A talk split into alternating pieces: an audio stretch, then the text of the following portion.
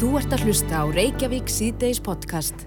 Reykjavík síðdeis og bylginu heldur áfram. Nú eru mjög margir í heimavinnu og Já. margir hafa reynilega bara verið í heimavinnu nánast allt árið. Ég hitti mann hérna á göngunum í daginn og ég hafði bara ekki séð hann í einhverja vikur Mhm.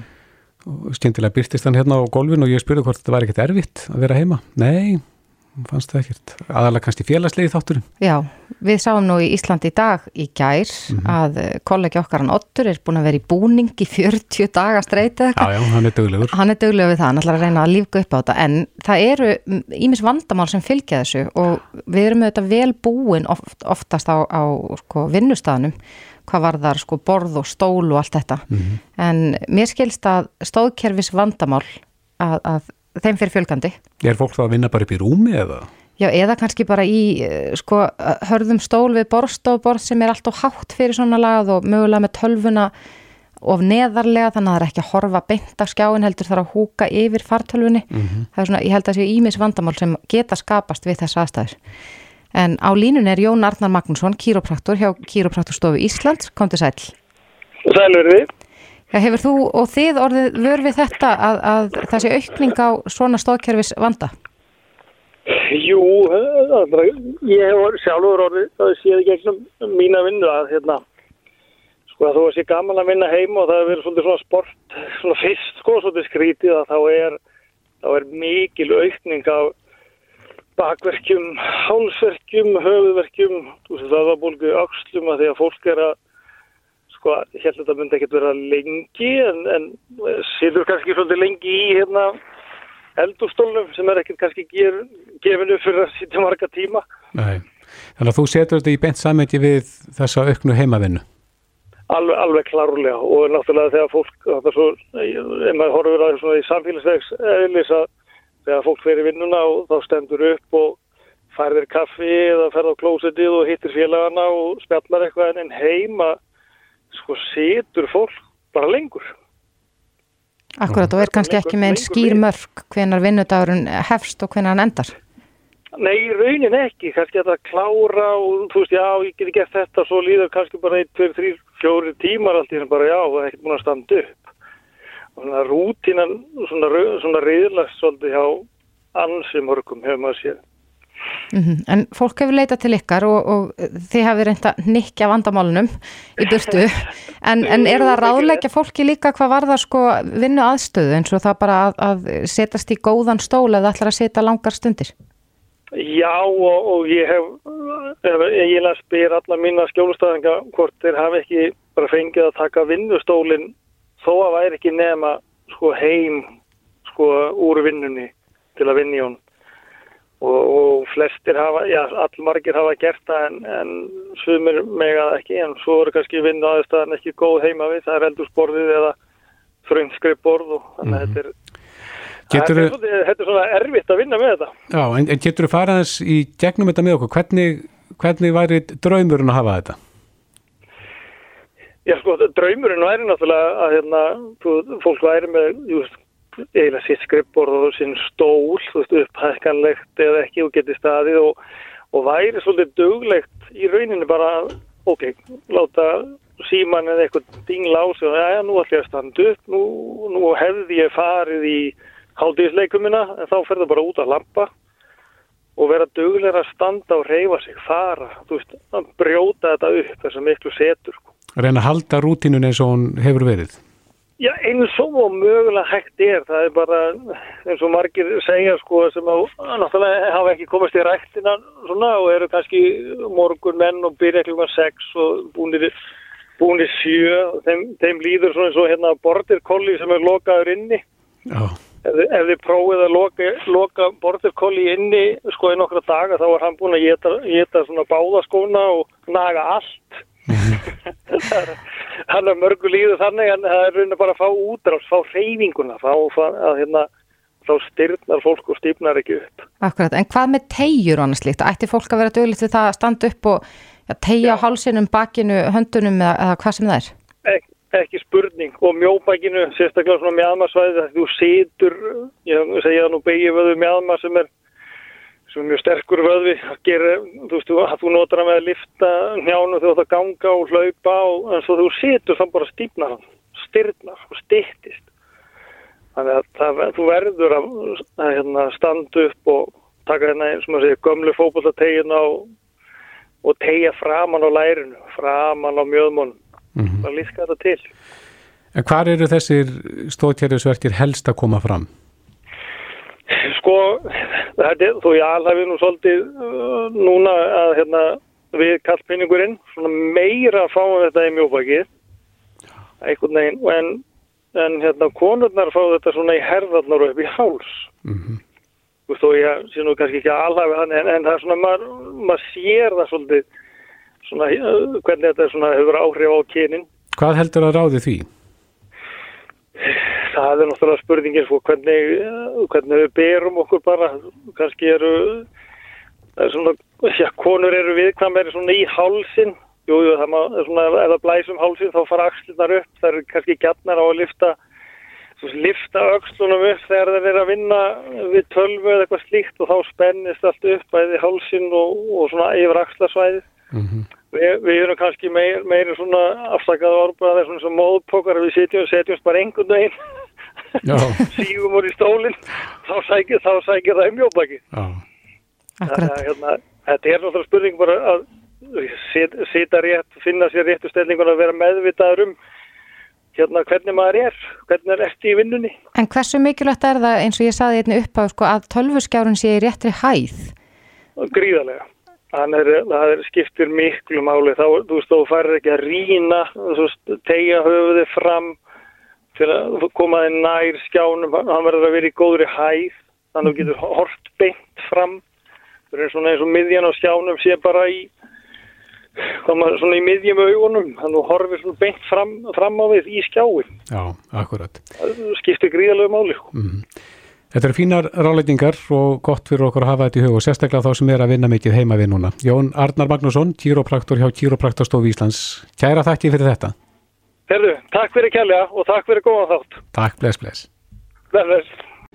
Þú ert að hlusta á Reykjavík C-Days podcast. Jæja, nú voru sóttarnar í völd búin að svona gefa út eða í að því að það verið til slaganir, mm -hmm. langþráða til slaganir, ég veit ég að margir, hérna, margir á að beða eftir því. Já. Þórólur saði á fundinum í dag að, að hann myndi líklegast leggja til einhverja tilslaganir við helbriðsráþara Mm núna um mánadarmótin. Í ljósið, ég fyrir ekki í ljósið þess að faraldurinn er á niðurleið. Akkurat, en að þær, sko, þetta sem hann mun leggja til næst muni gilda síðan út árið. Já.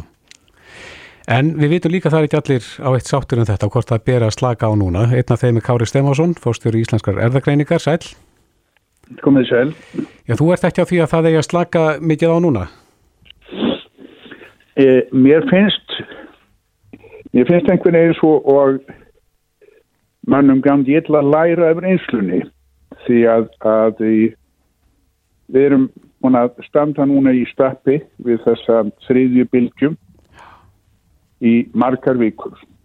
Og uh, höfum orða að færa tólöð mikla fórnir út af henni. Mm og nú er þetta rétt farið að, þetta rétt farið að linna svolítið. Og nú er, er framöndan jólaháttíðin þar sem að menn hafa tilhengu til að koma saman í tölverðum fjölda. Og e, þar alveg endi ef að leindist veira í samfélaginu þá var mikla líkur á því að það var mest út í jarðvegur fyrir það hún myndi breyðast út í tulega það. Þannig ég held að það væri afskaplega stinsanlegt að býða með allar tislakanir fram yfir áramót vegna þess að, að ég held að samfélagið sjó orðið það þreytt að það er erfitt fyrir það að takast á við enn aðra bylgjum. Ég held að við séum búin að færa þær fórnir efnaðslega sem að felast í þessum eh, sóktvarnar ástúanum og ég held að það væri mjög stinsanlegt að, að njóta arðsins af þeim fórnum sem að fælast í því að hafa samfélagi tilkvæmlega smitlust og geta komið börnum í skóla eftir áramót. Þannig að ég veit ekki hvað það er sem rekur sóttvarnar yfirvöld sem hafa fyrst og fremst þeim skildum að gegna að sinna sóttvörnum en ekki að hlúa vinsaldum sínum með því að veiti alls konar undantáur og tilslaganir. Ég bara stíla eftir hvað, hvað býra baki þessu sjáðum. Mm -hmm.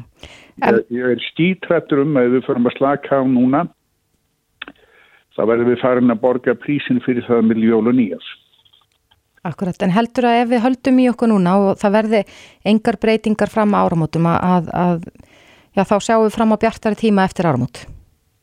Sko ég held að, að þeim er nær sem þú ert um tíma það sem bóluefni fyrir að hafa áhrif þeim er auðveldara er að taka áhættunum sem feldi því að, að létta á þess matjum og ég held sko ég held að, að um, ég held að, að vegna þess að, að tíminn framöndan er er, um, er sá tími þar sem að aðtunulífið liggur fólkið í láginni almennt að þá sé kostnærin af því að halda þessum stífu aðtjórum út árið til til að lítinn efnaðslega fyrir okkur.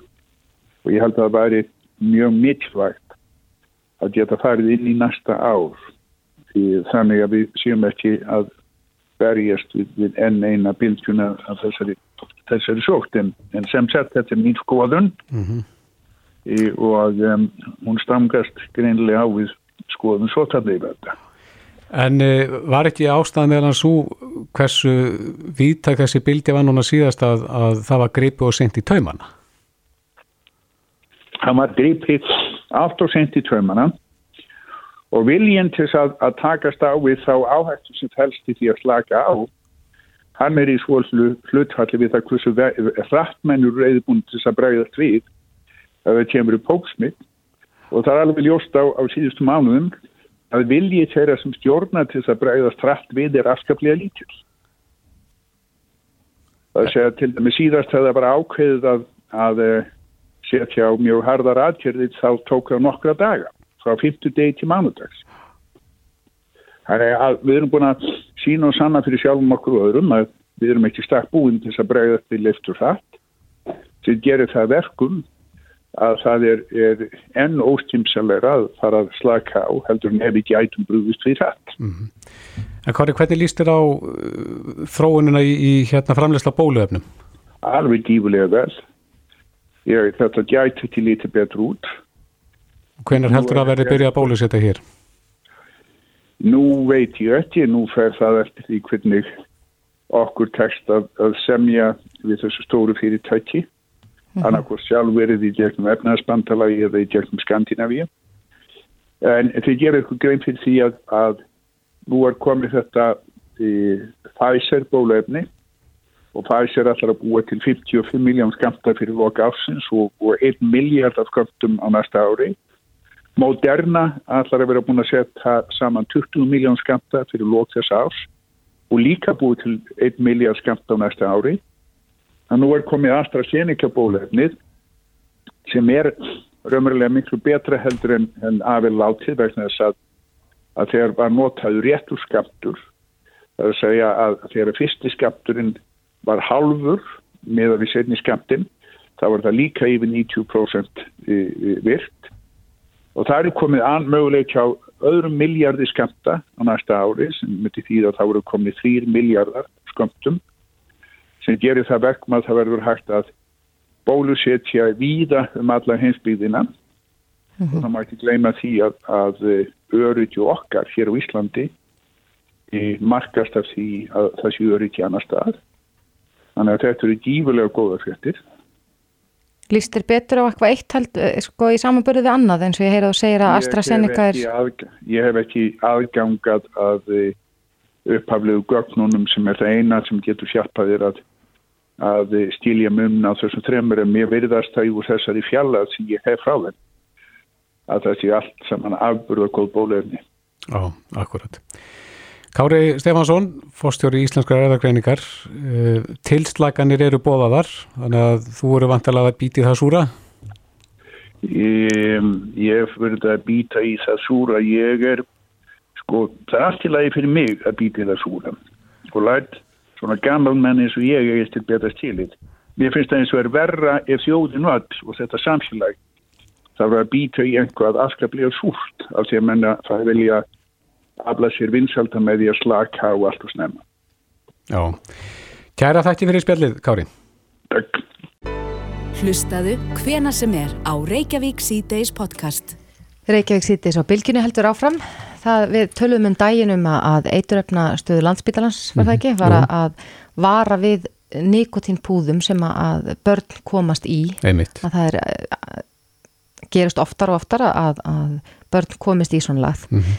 Og ég sá hérna áhugaverða fréttin á uh, fréttablaðinu núna áðan að Svens sem er sérveru verslun með sænst snus og nik nikotínpúða opnar sína fjórðu verslun og á höfuborgarsvæðinu Það segir okkur vantilega að það sé gríðarlega stór markaði fyrir þetta. Já, líka það að þetta er ekki bara selt í þessum sérveruverslunum, þetta er þetta í, í flestum búðum í dag.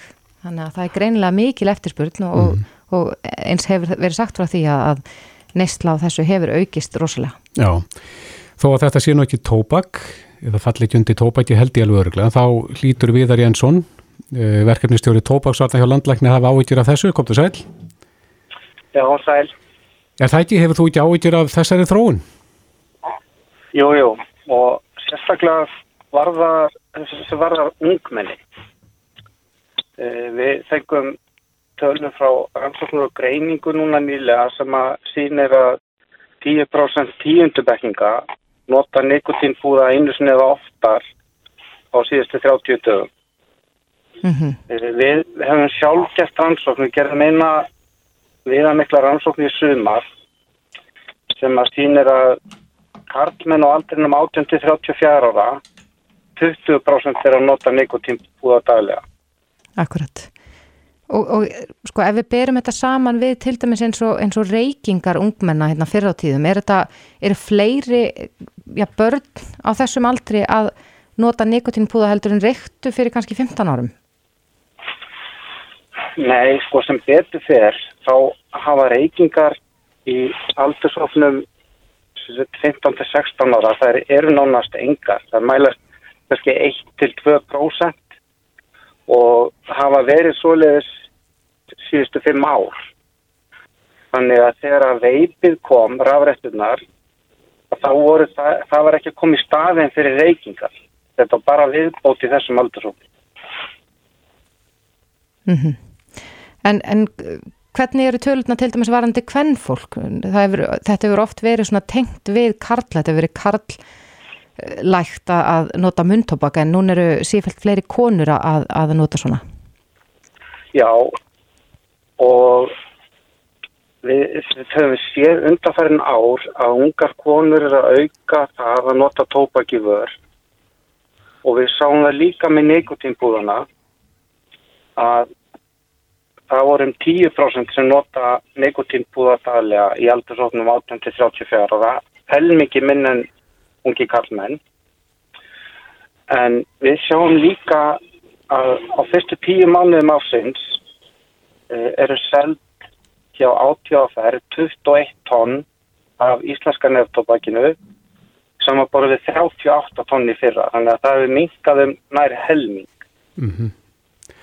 Þannig að menn er að færa sig yfir í þessa púða miklu leiti, en, en er að verða til sko nýjir nikotínfíkla sem að hafa aldrei reykt? Það er það sem að við höfum kannski mestar áhyggjur af og sérstaklega meðal ungmenn.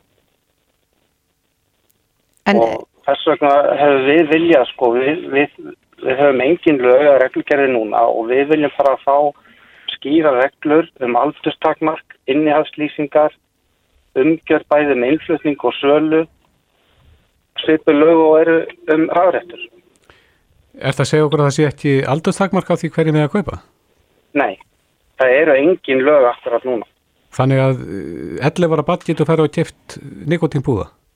Já, ég hef nú trú á því að þessi aðilar séu að selja, uh, við verðum að það að svona átján og aldurstakmark en það er ekki lagastof.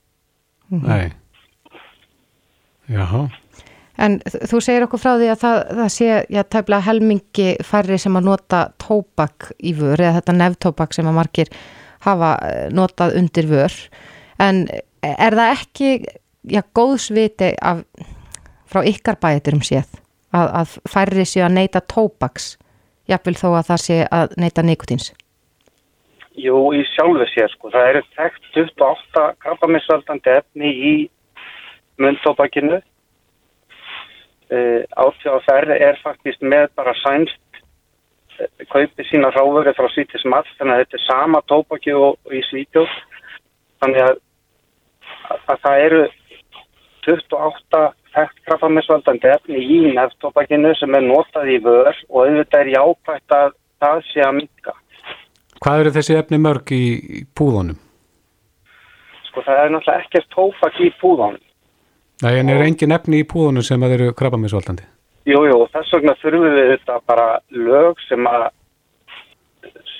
taka utanum það að skila innihaldsefnum í þessum bókum það segir sér sjálf Já, er, er það ekki þekkt stærð? Hvaða efni þetta eru sem eru krabbamessvaldandi í þessum nikotínpúðum og hvað eru mörg? Nei, og í rauninni ekki sko vita að þau séu krabbamessvaldandi Nei Ég veit En veldur það þá bara á rannsóknum á efnunum sem er í þessu eða, eða bara reynslan af, af nótkun þeirra?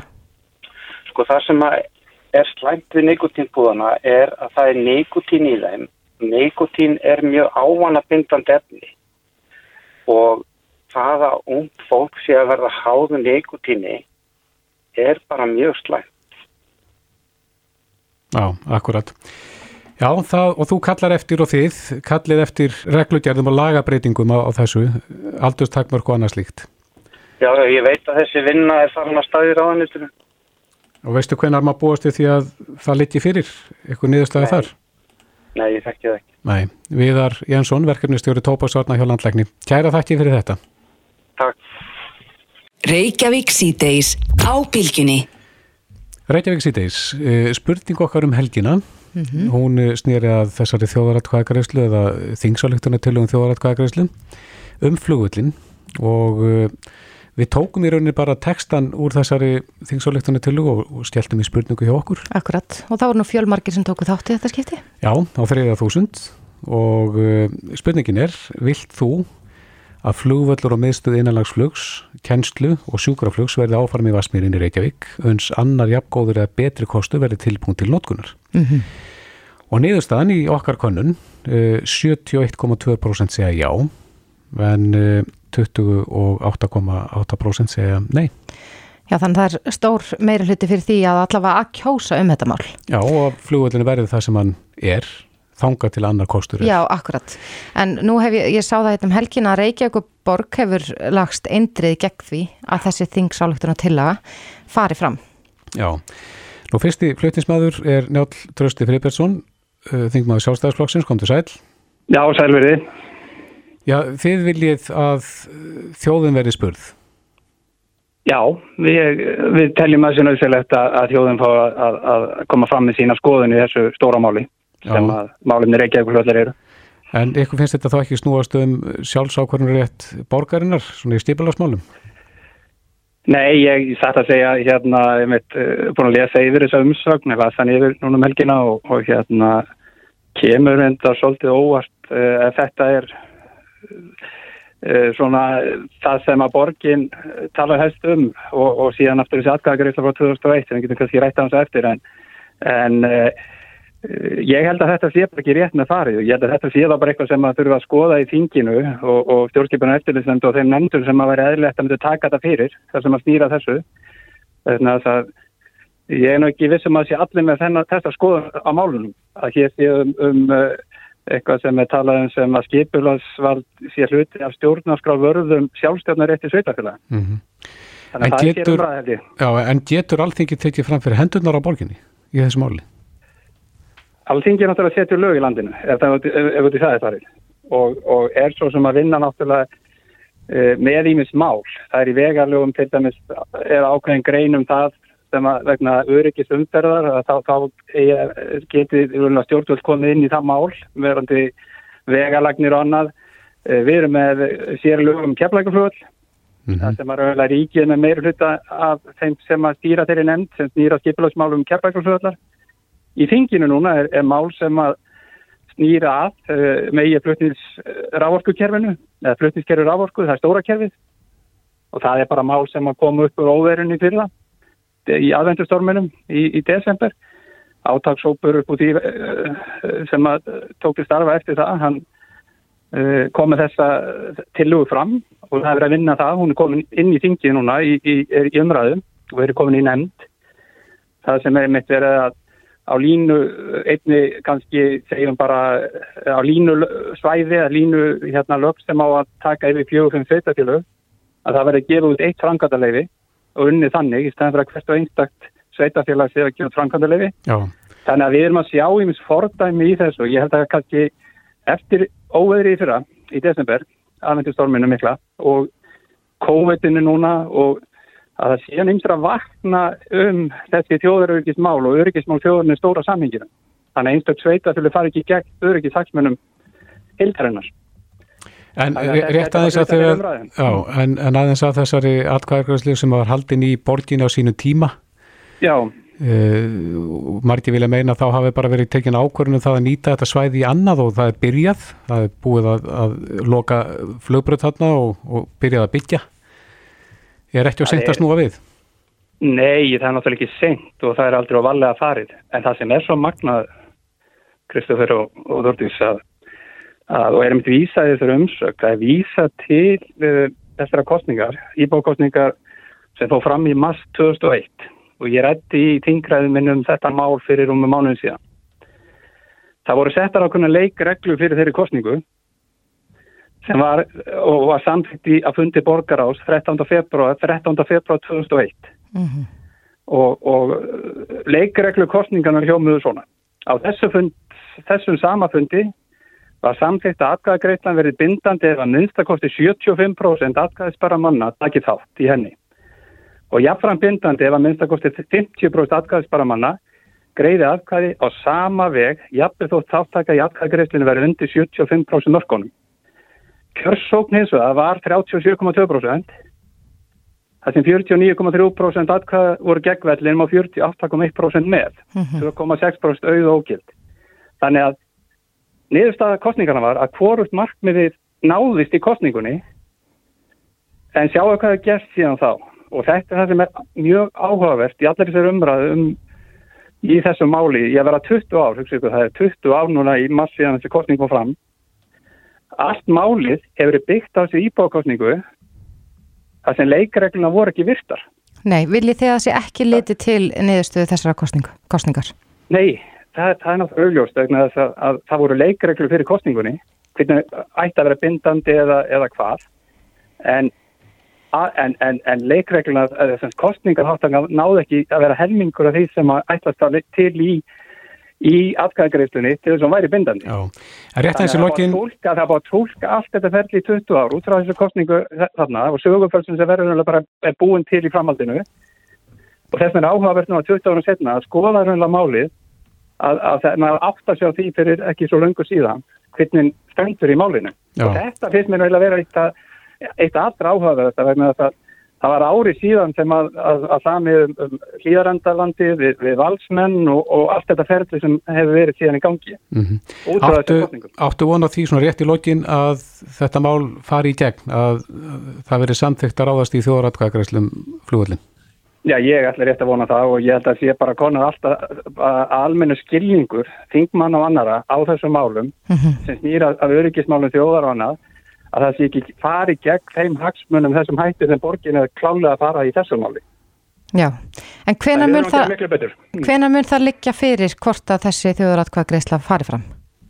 Já, ég náttúrulega stýð ekki þinginu þannig að nú er máli komin umhverju samgöngunendina og er í, er, í, er, í, er í nendinu að taka stáðu máli þar. Þannig að, að það sem er að gera er að, að, að máli fari úr nendinni og inn í þingsal og, og, og það er kosin tilhuguna. Þetta eru bara tvær umræður og fyrir umræður fór fram fyrir mánuð síðan. Þannig að, að það þarf ekki mikið til þess að máli fyrir út úr umhverjum samgöngunendinni, það er til viljið til þess. Að þá getur þetta farin í, inn í atkæðgreyslu frætt og vel inn í þingsal og síðan bara í framaldi að því er þetta að fara í að skipilegja atkæðgreisluna, þjóðratkæðgreyslu um máli. Já, við fylgjumst með þessu. Njáln Trausti Friðbergsson, þingmaður sjálfstæðisflokksins, kæra þakki fyrir þetta. Takk fyrir, þetta Þetta er Reykjavík C-Days podcast.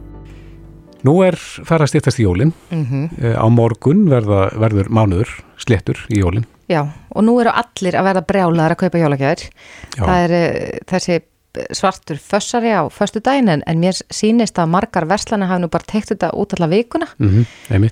Og eins og ég var að segja við þig áðan Kristófera að ég nú eiginlega bara komið eitthvað svona kvíða einkenn út að mér finnst eins og ég þurfi að kaupa eitthvað á netinu Já, en ég það bara er- veit ekki hvað það á að vera Einmitt, þessar útsölur hafa margar hérna, þau áhrif Akkurat. og er ætlað að gera það. En þetta þýðir líka og að því að margar vestlunarfannar bjóða upp á heimsendingu. mm Þá þýðir það að pósturinn þarf að stíga aðeins grimmar inn í. Já, og það er spurning hvort að þeir ná að annað þessari eftirspurn út af því að eins og, eins og við heyrðum til dæmis hérna varandi forlægið að netsala á bókum hefur farið upp um 500%. Einmitt. En eh, ætli pósturinn sé komin í jólagýrin á línunni er Hörður Jónsson, frangotastjóri Rekstarsviðs póstins. Komdu sæl. Já, sæl. Eru þið komin í jólagýrin? Já, heldur betur og, og hérna fyrir bara nokkrum vikum síðan að, að hérna við finnum náttúrulega fyrir verulegum vexti sérstaklega í innlendum pökkum og, og hérna erum að takast á við það verkefni að, að koma sendingunum sem fyrst til viðskiptavina og það er krefandi. Mm Hafið þurft að bæta við starfsfólki eða, eða einhvern veginn þurft að grípa til sérstakra aðgerða til þess að annað þessu? Já, já, við höfum í rauninni vegna líka þessara fjöldatakmarkana þá gerir þetta okkur svolítið allavega erfiðara fyrir og, og hérna við erum núna til dæmis að vinna allan sólvaringin í postmistöðinni hjá okkur með vöktum þannig að við náum að dreifa svona álægin og minka smittættina þannig að, að hérna, við höfum bröðist við því og erum að fjölga hjá okkur fólki líka í að posthúsonum og, og út á merkinni í útkerslu og fleira. En e, það er ekki langt síðan að þessi postbox voru tekin í nótkunn. E, eru þau farin að stíla sér? Já, við höfum verið með postbox eh, sem sagt hérna á höfuborgarsvæðinu frá 2014 en við höfum verið að fjölga þeim núna um, um 30 þannig að, að hérna, við erum komið með 80-20 box á höfuborgarsvæðinu og 19 út á landi. Og þau hafa náttúrulega er að sanna sitt gildi sérstaklega í þessu svona það sem að eru fjöldatakmarkanir á posthúsum og þá getur ákveðin hluti viðskiptavinnuna farið á, í postboxin og ákveðið sjálfur þannig að það er að hjálpa til. Mm Þannig að það hefur minkað já, svona ásóknuna á posthúsin. Já, þetta er í rauninni svona kannski ný, nýjar leiður okkar til þess að ná til viðskiptavinna í aðfendingu sendinga og það eru þessi postbox, við erum líka með pakkaport hérna á höfbúksvæðinu þar sem við erum inn á, á orkustöðunum og svo erum við náttúrulega, það er gríðaleg aukning í útkerslu á okkur. Já. En förum maður sér við dagsetninga, hvenna fara ve- menn að verða og seinir að senda pakka til dæmis til útlanda? Já, við höfum svona uh, verið að því við stjórnum ekki flutningaleganum til og frá landinu þá höfum við svona verið að hvetja viðskiptavinn að vera snemma á, á ferðinni og við erum með tvær dagsetningar í, í ellendusendingum. Það er annars við núna í lók þessari viku, 27. november utan Evrópu og svo 7. desember innan Evrópu.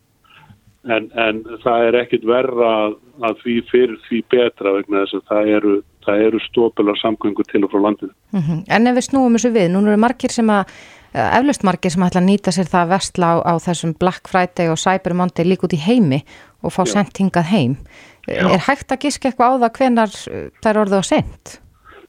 Nei, það er vola erfitt kannski að segja ég, en, en það, það er líka erfitt að segja að ef þið pantið á næsta föstudag þá verður þetta örgulega komið fyrir jól það er svona, maður getur einhver lofað um það það fer allt eftir bara hvernig þessar leiðir eru til landsins það hefur nú verið að rofa aðeins til svona setni hluta ársins það var mjög erfitt fyrir hluta þar sem að við til dæmis fengum ekki sendinga frá Kína svo mánuðum skipti en eitthvað hafa flutningarleiðina verið að opnast þannig að það er ekki öll nótt úti enn.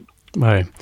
En hvað með matvæli? Ef að þá á að senda hangikjöt eða eitthvað slíkt til hérna Íslendinga Erlendis?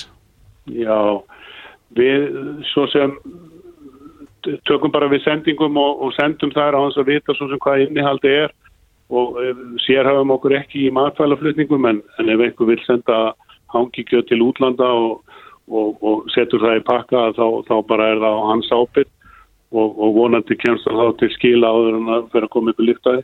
Já. Er eitthvað reglur sem að gildum það að senda matvæli? Já, já, það gildum það stránga reglur og, og hérna það er í rauninni en eins og við, við erum að taka á móti það mikið af sendingum að við, við vitum ekkert og spyrjum ekkert í sjálfu sér um innihald sendingan, það er á ábyrð viðskiptavinnina eins að, að segja frá því og skrá það niður. Já. Og það eru uh, fjöldin allur af erlendu fólki sem býr hér sem er vantilega þá að fá bólskar pilsur eða eitthvað sendar hingað, eða ekki? Já, það geti ve ve vel verið í öllu þessu pakkaflóði að þessi einhverja pólskar pilsur inn á milli. Já, En hörður, getur þú rifjað upp með mér það sem við töldum upp hérna áðan? Það er 7. desember, Já, 27. november er, er utan Evrópu og, og 7. desember hérna innan Evrópu. já, þetta eru dagsetningarnir sem þarf að hafa í huga. Já, þarf að hafa í huga og svo er það hérna innanlands að, að þá er það 18. desember og allar að vera tryggur að eða vera tryggt að sendingi komist til skila fyrir jól og, og það sem að við erum náttúrulega að, að hérna, það er 100% aukning til dæmis í innlöndum pökkum milli ára í november sem við erum að horfa fram á þannig að magnið er gríðarlega mikið og fjöldatakmarkanir svona eru, eru ekki að hjálpa okkur þannig að því fyrir sem fólk er á ferðinu með sendingarna sína því betra og því tryggar er að það er komist til skila fyrir jól. akkurat. Hörður Jónsson, Frankandastjóri Rekstrasviðs Póstins, kæra það ekki fyrir þetta. Takk, takk. Reykjavík síðdeis á Bilginni podcast. Jæja, Reykjavík síðdeis heldur áfram. Það var nú svolítið verið rætt í gegnum tíðinum rafmyndir en þó held ég að meirulhutti þeirra sem er að hlusta á okkur núna hafi ekki hugmyndu hvað rafmynd er. Nei, ég hef ekki hugmynd um hvað rafmynd er. Nefna bara ég veit, sko, ég þekki orðið bitcoin Mm og rámar eitthvað óljóslega í eitthvað íslenska rafmynd sem ég veit síðan ekkert hvað varðum. Nei. En sérstaklega á þessum tímu þegar við erum að tala um að fólk er ekki að fá ávöxtun á sparifíð sitt. Nei, við heyrðum nú í Sælabankastjóri einn daginn og hann sagði að Íslandingar ættu nú bara að vera duglegri að, að eh, kaupa hlutabrif Já, út af því að við erum ekki að ávaksta peningan okkar inn á, inn á bankareikningi þegar að stýrivextir eru svona lágir. Nei. En þá er spurning hvort að það að fjárfæst í rafmynd sé gott ráð eða slæmt. Á línunni er maður sem að veit miklu meira um þetta heldur en við, Kristján Ingi Mikaelsson, frangvandastjóri rafmyndaráðs, sæl. Sælblössu, takk fyrir að fá mig í þáttinn. Takk fyrir að gefa þið fram, en eh, ef við byrjum bara á, á þessu með rafmynd, hvað er rafmynd? Í stuttu máli. Góð spurning og þið einmitt nefndi þarna Bitcoin sem er sennilega frægasta rafmyndin sem að hóf þessa rafmyndabilgju í rauninni alla og síðan þá hafa komið ótal margar rafmyndir fram sem eru með einhverja tæknilega kosti og spila kannski inn á aðra eiginleika heldur en að vera einhvers konar geimsluverðmætti eins og Bitcoin er. Mm Þannig að menn eru að þróa ímsa tækni og gefa hana út og, og á sama tíma er þetta alltaf fjármála lausnir. Þar sem að þetta er peninga nýsköpun í rauninni og hérna, margt áhugart sem er að gerast í, í þessu speysi. Já, ég ætla nú að viðurkenna það að ég heyrði nú eitthvað tíma nýður í viðtali í bítinu og, og eftir það viðtal að þá náði ég mér í app í síman Mm svona bara til að prófa þetta. Kefti bitcoin fyrir 5.000 krónur og svo var ég að tekka því núna um daginn og, og þessar 5.000 krónur orðnar að rúmum 20.000 krónum.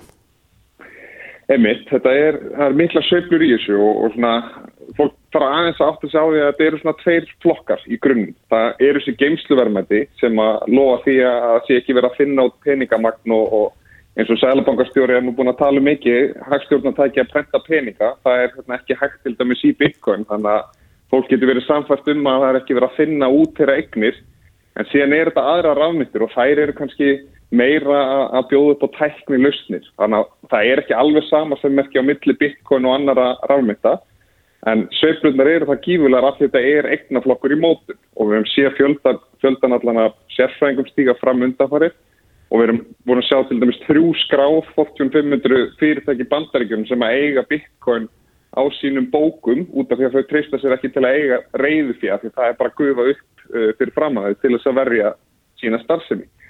Þannig að eftir því sem að fleiri kaupa bitcoin því herra verður það í virði út af því að það er bara takmarka magn til af bitcoin. Það verða bara 21 miljón bitcoin til í heiminum og það er það sem gerir þetta svona verðmætt og, og kannski harfari verðmætt en, en þessi peningar sem við höfum í dag. Mm -hmm. Þegar peningar sem við höfum í dag, íslenska krónan sem dæmi eða bandaríkjadalur eða eitthvað slíkt, þetta var fyrst og fremst fundu til að auka skilvirkni í viðskiptum og í raunin ef maður skoða sögu verðmæta í heiminum að þá hafa þjóðarskjaldmilar aldrei átt að vera geimsluverðmæti og þeir eru í raunin mjög lélegir í því.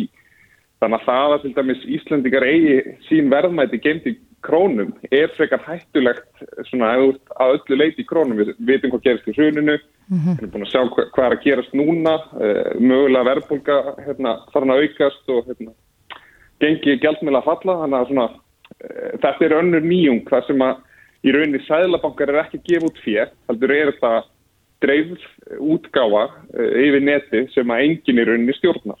Já, en sko nú, sko, ef ég hugsa um námur þá hugsa ég bara um sko gull eða, eða kól eða eitthvað, en síðan alltaf vera að tala um námugröft í, í sam, sambandi við bitcoin, já, eiginlega bara pínu erft með að koma þessu út úr mér vegna þess að mér finnst þetta hljóma svo já, skrítið. Getur við útskýrt þetta eitthvað án þess að þannig að við skiljum það? Þegar það er verið að grafa eftir bitcoin. Einmitt, það er hérna, það er sannilega ekki menn með skóplur út á Reykjanes að hérna, finna bitcoin en, en þetta er einmitt góð líking hjá þér og, og mjög góð spurning sem kemur alltaf upp. Það, það sem er gert í þessari námuvinnslu starf, hérna, starfsemi eða sannreiningaferli er að það er fullt af tölvum að passa upp á það að netið virki. Bitcoin er í rauninni fyrsta skipti sem þú getur fæst til verðmætti millir tvekja einstaklinga yfir interneti án þess nota milliðala. Þetta er driftkerfi, það er enginn sæðlabanki eða banki eða milli sem að passar upp á allir fáið sig. Heldur er þetta driftnet og með því að vera með þess að námu vinslu eða sandreiningu að þá eru tölvurnar að passa upp á að ef ég sendi þér eitt bitcoin að þú fáir það eh, á sannvalan hátt og ég þarf í rauninni ekkert að treysta þér og þú þarf ekki að treysta mér. Og í rauninni hérsta í bitcoin er þessi námu vinsla sem að tryggir það að hérna, neti keiri á þennan hátt. Mm -hmm. En segði mér eitt, þú, kaupir eftir fyrir bitcoin út í búð? Nei, sem er svona svipa kannski eins og með gull, ég menna, eh, nú á ég gull stangir, ekki, ekki stórar og þungar, en, en ég á alltaf gull og fer meðnir til að útskýra fyrir fólki. Ég menna, tala um að gull sé helst að geimsluverðmyndi heimsins, en það er enginn á Íslandi sem tekur við gulli út í búð. En hvernig breytur síðan bitcoin yfir í peninga aftur, íslenska krónur eða dollara eða? Akkurát, það er, hérna, það er komið svona þingrafsa kerfi þar sem fólk er að kaupa og selja rafmyndir á, á fullu, til dæmis þeir sem eru námuðinslu þeir þurfa að vera að selja rafmyndir. Og einhverju kannski sem eru búin að fjárfæst í þessu og vilja ekki vera lengur inn í þessu kerfi geta selgt sig út. Þannig að fólk nota bara hefðbundna kaupallir eins og mittkaup.is eða esx.is sem er hérna, íslenskar síður skráningaskildar hjá fjármáleftilutinu. En í rauninni er fólk að kaupa þetta út frá allt öðrum fórsendum en hlutabrif. Mm -hmm. Að við skoðum bara af hverju kaupi fólk hlutabrif. Jú, það er að hérna, kaupa kannski tækni eða einhverju nýjung sem þú trúir á en, en flestir eru kannski bara að kaupa til að græða peninga. Það sem er svolítið tengt bitcoin og rafmyndum og ástæðan fyrir því að það er og mun ekki deyja er svo að það er hugsun af fólk hérna bakvið sem að trúi bara á öðruvísi fundamental heim tengdan peningum. Þetta kerfi sem við höfum í dag er svolítið komið á endastöðu og það er alltaf bara svarið að hérna, búa til meiri peninga til þess að leysa vandamáli sem er í dag og, og díla við að setna. Og það er, er ekki heitlandi endalust og, og svona erfitt að kannski flýja það kerfi en, en Bitcoin er rauninni eitt af þessu sem að kemur sem lausn í því og COVID er rauninni bara búin að íta undir þetta narrativ sem við höfum talað fyrir í mjög langa tíma. Mm -hmm. En Kristján segir mér, er, er Bitcoin góð þjárfesting? Myndur þú segja að þetta sé góð leið fyrir fólk til þess að ávaksta peningin sinn? Ég meina, ég get svo sem ekki mælt með því fyrir aðra. Ég mælu bara með að fólk hérna, skoða þetta sjálft. Fyrir mína parta þá eru allar mína eignir meir og minna í Bitcoin og fólk segir að það sé kannski styrla en, en bara það er þannig að þetta er eh, öflug leið til þess að verðja sig gagvart áföllum, sérstaklega þegar við erum komin á þennan stað í COVID og peningaprentun og mögulegri krepp og öllu þessu að þá er ekki mikið sem að fólk getur sett peningarnir sína í og það er bara einhvern veginn þannig í dag að það er þetta búið til endalus af peninga en það er ekkert að búa til endalus, endalus byggun sem dæmi. Mm -hmm. Þannig að allir þessi peninga sem, sem er verið að búa til í kerfin í dag, þeir eru að flæða inn á húsnæðismarkaðin, valda ból í húsnæðismarkaðin, þeir eru að flæða inn í hérna, neysluverur, valda verðbólk í, í neysluverum og einhvern veginn eh, sem lausn út úr því kerfi að þá á fólk að skoða að, kaupa smá fyrir byggun, sérstaklega fólk er með launin sín í krónum húsið sitt í krónum, lífeyrissjóðið sinni í krónum, að þá er svolítið skrítið að hérna, ætla að fara mögulega niður með minnsta myndtakir í heiminum. Já, rétt aðeins í lokin, eh, vextir er í sögulegu lámarki á Íslandi þannig að sparifjara eigandur er eftir að fá mikið fyrir að geima peningarna sín í banka. Hver, hver er ávöxtunin í bitcoin? Sama bori við bankakjörfið? Akkurat, uh, eins og segir að þá eru vexti mjög lágir og í rauninni neikvæði vextir á mörgum stöðum í heiminum sem að ef maður hugsa hvernig getur það gengið að peningur í framtíðin er minna virði, nei meira virði en peningur í dag. Þetta er, þetta er fundamental kerfi sem að gjössalega snýr kapitalismanum á, á, á hausin á sér en hérna í raunin er erfitt að segja. Bitcoin er bara að trenda upp eins og maður segir.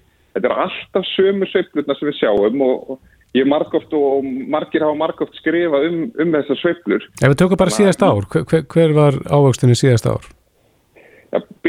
Er upp núna eitthvað 150% á einu ári uh, og það er svona síðast, síðastlega ár. Þetta hefur Bitcoin tekið 80% leiðrættingar fasa fimm sinnum þannig að fólk þarf að hugsa ef það ætlar að kaupa Bitcoin þá verður að passa sig að vera ekki að selja sig út og inn. Þetta snýst þetta um að fá uh, góð langtíma, hérna, gott langtíma verð með að kaupa jæmt og þér þess að verður að græða mest á þessu eða í rauninni verja sér best gegn, gegn falli í þessu er að kaupa kannski einu sinni mánu alltaf á sama tíma eða eitthvað slíkt. Af því að sveiflunar í Bitcoin eru rosalegar og þegar ég segi rosalegar þá, hérna, þá meina ég það, ég er ekki að tala um hérna, hlutabrið að vera æslandir úr 38 neyri, neyri 1 en, en þetta er samt 80% sveiflu sem að hérna, mm -hmm. flestir hafa kannski ekki séð áður og er bara nýr eignaflokkur í myndun sem að myndar þessa, þessa sveiflur. Já, þannig að þú mælur allavega með því að fólk kynni sér málið. Alveg klárt. Fullt að lesefni til á netinu og hérna, endilega er mitt hægt að kíkja meira inn á ibs.is við höldum reglulega viðbyrði og hérna, erum með fullta fræðslefna á íslensku um, um þessi mál. Já, glæsilegt. Kristján Ingi Mikalsson, framkvæmdastjóri Rafmyndaráðs. Kærar þakki fyrir þetta. Já, takk fyrir. Það er nú svona hluti af jólahaldinu hjá mörgum að þegar að ástvinir sem búa Erlendis koma heim mm -hmm. og ég veit að ég er alltaf spennt fyrir jólina að, einhverja vinkonur sem búa Erlendis og svona komi hingað og maður getur Eim. kannski náðið á kaffibólla. En ég las hérna frétt á vísi í dag og það var nú aðeins verið tal, talað um þetta á upplýsingafundi almannavarna í dag en að þeir sem að ætla að koma heim um jólinn mm -hmm þurfa að koma heim ekki setna en 18. desember til þess að lenda ekki í því að veri sóttkví á jólunum. Já. En þá er svona spurning bara, eru margir að koma heim, við vitum auðvitað að það hefur dreyið rosalega úr ferðalögum, mm -hmm. en ætli fólk sé að koma heim yfir jólinn? E, fáum bara svarið því hjá þeim sem að allt veitum þetta, Birna og Skeinastóttir, frangatastjóri Sölu og Þjónustusviðis Æsland er á línu, kom til sæl. Komið sæl. Ja, hvernig líta þessar áallin út hjá ykkur? Eru margir sem eiga pantað heim? Já, það er ágættis hópur. Hann er auðvitað ekki jafn stór sem á bókað heim til Íslands þessi jólin eins og síðust ár. En svo auðvitað kýður að skilja með við reglurnar og ástandi. Mm -hmm. En við höfum líka verið að eh, hérna, reynsa þessu út úr áallininni þannig að sé eins skýrst og mögulegt er hvað verið flóið. Akkurat, en tólkið þið þetta sem svo að, að færri sé að koma heim yfir jólinn eða eh, sérst, getið þið einhvern veginn siktað út hverjir er að koma heim í frí sko samanborðið við í fyrra? Já, við sjáum það svona ágætlega á tölunum og þú veist, það er alveg, það er töluverð eftirspurð hjá Íslandingum sem búa Erlendis eins og undanfarið eftir því að koma til Íslands Ég myndi segja hún væri ekki af mikil úr síðustu ár og svo auðvitað er mjög lítið um að ferðamenn ætla að koma. Já, það hefur auðvitað fæst í aukan og undanfærin ár líka erlendi ferðamenn hafi komið til Íslands yfir jóla áramót og það er raun eiginlega ekkert um það núna. Hvaðan er fólk helst að koma? Sko það sem við erum að leggja áslá út af því að við sjáum eftir spurningina þar núna er Kaupmannahöfn, Oslo, Stokkólmur, Amsterdam, London, Paris og svo í Þískalandi, Frankfurt og Berlín og svona fyrir utan það þá náttúrulega erum við að fljúa alltaf á Boston tvísar í viku og vonandi getum við flóið aðeins líka á New York og Seattle svona í kringum jól, rétt fyrir jól og, og rétt eftir áramót. Hafið þið verið með uh, mikið af flugum til og frá bandaríkinum? Undarfarnar vikur og mánuði eiginlega bara á Boston og það er náttúrulega bara vegna þess að enn eru bandaríkin lókuð og auðvitað sjengin er lókað fyrir hérna, uh, þá sem búið í bandaríkjunum Þannig að það hefur bara verið svo lítil fórsenda til þess að fljúa en við erum að vona að það verði aðeins meira yfir jólinn og stefnum á það ef við mögulega getum að bjóða aðeins meiri þjónustu til bandaríkjana og frá bandaríkjana. En hvað með Íslendingar sem eru og alltaf vera erlendi sem jólinn? Er eitthvað um það? Já, það er alveg sko, við erum svolítið að fá símtölinn og það er fólk að velta í fyrir sér sko hvert væri kannski bara best að fara. Svona miða við það er takmarkanir sem eru í löndunum í kringum okkur núna, fólk vil komast aðeins í burtu, það langar einhverja í sól og svo framveist, þannig að það er aðeins og það er þá kannski þessi sömu staðir. Mm -hmm. Það er Skandinavia, það er aðeins Tískaland og Frakland og svo þetta er einhverjir að fara með okkur með leiguflögi til Tenerife og Kanari eiga. Er, er áhugi fyrir því? Ég sé að þau eru svolítið farin að auglýsa það. Já, og það það hefur bæði sko, er víta sem þetta bjóð upp á ferði til Kanari og Tenerife um jólin og það er alveg eitthvað að bókast á það og svo erum við að bæta Tenerife inn í leiðakerfi í vor og já, við sjáum ágættis viðbröð á íslenska markanum. Hvernig er staðan á þessum stöðum núna? Sko eins og, eins og hérna Kanaríjar, þar hefur gengið mjög vel í baráttinni við veiruna og sko það hafa verið setta reglur yfir allan spán og oftast hafa þeir ekki gilt yfir Kanaríjar því að þar hafa verið svo miklu færi smitt og staðan er þannig núna að það er sko útgöngubann frá 11 og kvöldin til 6 á mótnana til að svona kannski stemma stegu við djammi og því sem getur gerst á djamminu varandi svona smitt en að öðru leiti hefur bara gengið mjög vel á þessum eigum og svona frekar lítið um smitt. Það voru, var verið að breyta þessum reglum á landamærunum með að það tekur gildi, er það ekki núna um mánaðamótin. Hafið þið fengið mikið að fyrirspörnum frá ykkar farþegum uh, varandi þessar breytingar að, að nú sé uh, já, þessi sótt hver möguleiki eða í raun og veru að er ekki verið að skilda alla í tvær sínumtökur? Það var, ég held að það hefði verið ákveðið að halda áfram með þetta, þessa valkvæði 14 dagar sótkví, en ég held að hafi engin, eða það eru ofsalega fáir sem velja hana. Það fara eiginlega allir í tvöföldu sína tökuna Mm og þetta frábært að gjaldtakan verði afnumi svona í þessu fyrsta skrefi. Heldur að það komið til með að hjálpa ykkur Gjaldtakan? að, að það sé verið að fella hana niður? Já, ég held að geta alveg haft áhrif og það hefur þetta sérstaklega hérna, áhrif á þá sem eru mikið að koma og fara, þannig að ég held að engin spurning, en svona til langs tíma ef við ætlum að fara að fá, fá ferðamenn eftir til landsins og geta fara að gera plönum það þá auðvitað þarf bara eins að þróa reglurnar. Er, þetta er svona virðist ekki alveg ganga fyrir ferðamenn að þurfa að fara í fimmdaga sótkví, þannig að svona til lengri tíma þá þurfum við kannski eitthvað að fara að sjá breytingar á reglunum. En nú var líka verið að gefa þótt í bandaríkjunum að Boeing 737 MAX vélarnar uh, já, megi fljúa í bandaríkjunum aftur núna á næsta ári. Hafið þið fengið fyrirspurning frá uh, ykkar farþegum vegna þess? Já, við höfum aðeins fengið viðbröðum, það hefur nú ekki verið mikið eins og eh, allavega eins sem komið er en það er þá helst verið að veltaði fyrir sér á hvaða áfangastæði verið flógið og hvenar vélinn verður tekin í nótkun hjá okkur og svo framvegs og eins og framveg komið þá verður það ekkit fyrir nývor. Nei, akkurat, það er smá tími í það. Já, já, við hérna leifum bandarísku flugfélagunum að prófa vélarnar vel og vandlega fyrst. Já, svona þess að pröfu hér aður. Já, er það ekki bara betra? það er mjög gott. Birna Ósk Einarsdóttir, Frankværtastjóri Sölu uh, og Þjónastöldssöðið Sæðslandir. Kæra þakki fyrir þetta. Takk hérlega. Bless, bless. Bless. Þetta er Reykjavík C-Days podcast.